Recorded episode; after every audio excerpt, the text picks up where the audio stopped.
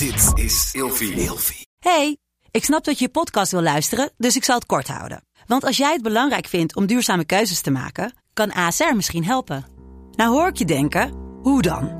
Nou, bijvoorbeeld bij het duurzaam herstellen van schade. Of de premies die we beleggen volgens ons duurzaam beleggingsbeleid. Dat bepaalt waar we wel en juist niet in investeren. Wil je meer weten over welke duurzame keuzes ASR maakt? Ga dan naar asr.nl slash duurzame keuzes. ASR doet het. Zo, dan kan je nu lekker naar je podcast luisteren. Eindeloos aan het woelen en draaien in de nacht en hou je je partner wakker? Het kan zomaar zijn dat je toe bent aan een nieuw bed. Gelukkig geeft Emma Sleep je nu 10% extra korting met de code RELATIEVRAGEN in hoofdletters. Op bijvoorbeeld de Emma Super Slaapbundel, waar je het bed gratis bij krijgt. Dus ga snel naar emmasleep.nl en bestel jouw bed. Hi, welkom bij deze podcast. Leuk dat je luistert. Mijn naam is Kokkie Drost en ik ben relatie-expert. Vandaag beantwoord ik de volgende vraag. Wanneer weet je zeker dat je relatie goed is? Wat zegt de Bijbel er eigenlijk over? Dat is een, een, een, mooie vraag. In die zin dat ik jou niet een zwart-wit antwoord kan geven van nou, in spreuken zoveel voor zoveel staat dat, dus dan is je relatie goed. Maar wel dat de Bijbel een boek is dat bol staat van verhalen die allemaal gaan over relaties. Vol met voorbeelden van supergoede relaties, superbelabberde relaties, maar vooral over de liefde. Nou, dat vind ik zelf het gewoon het allerleukste aan de hele Bijbel. Dat het het boek is dat als geen ander liefde verkondigt.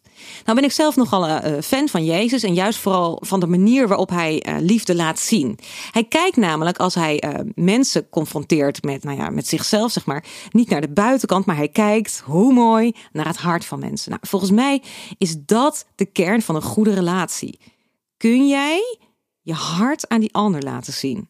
Weet je, wij kunnen als mensen, wij zijn, we zijn heel leuk ontwikkeld en zo, maar we hebben nog niet de gave om direct bij de eerste aanblik van iemand te zien wat er in het hart van die ander zit. Nou, dat is maar goed ook. Hè? Ik bedoel, ik ga niet iedereen laten zien wat er allemaal in mijn hart zit.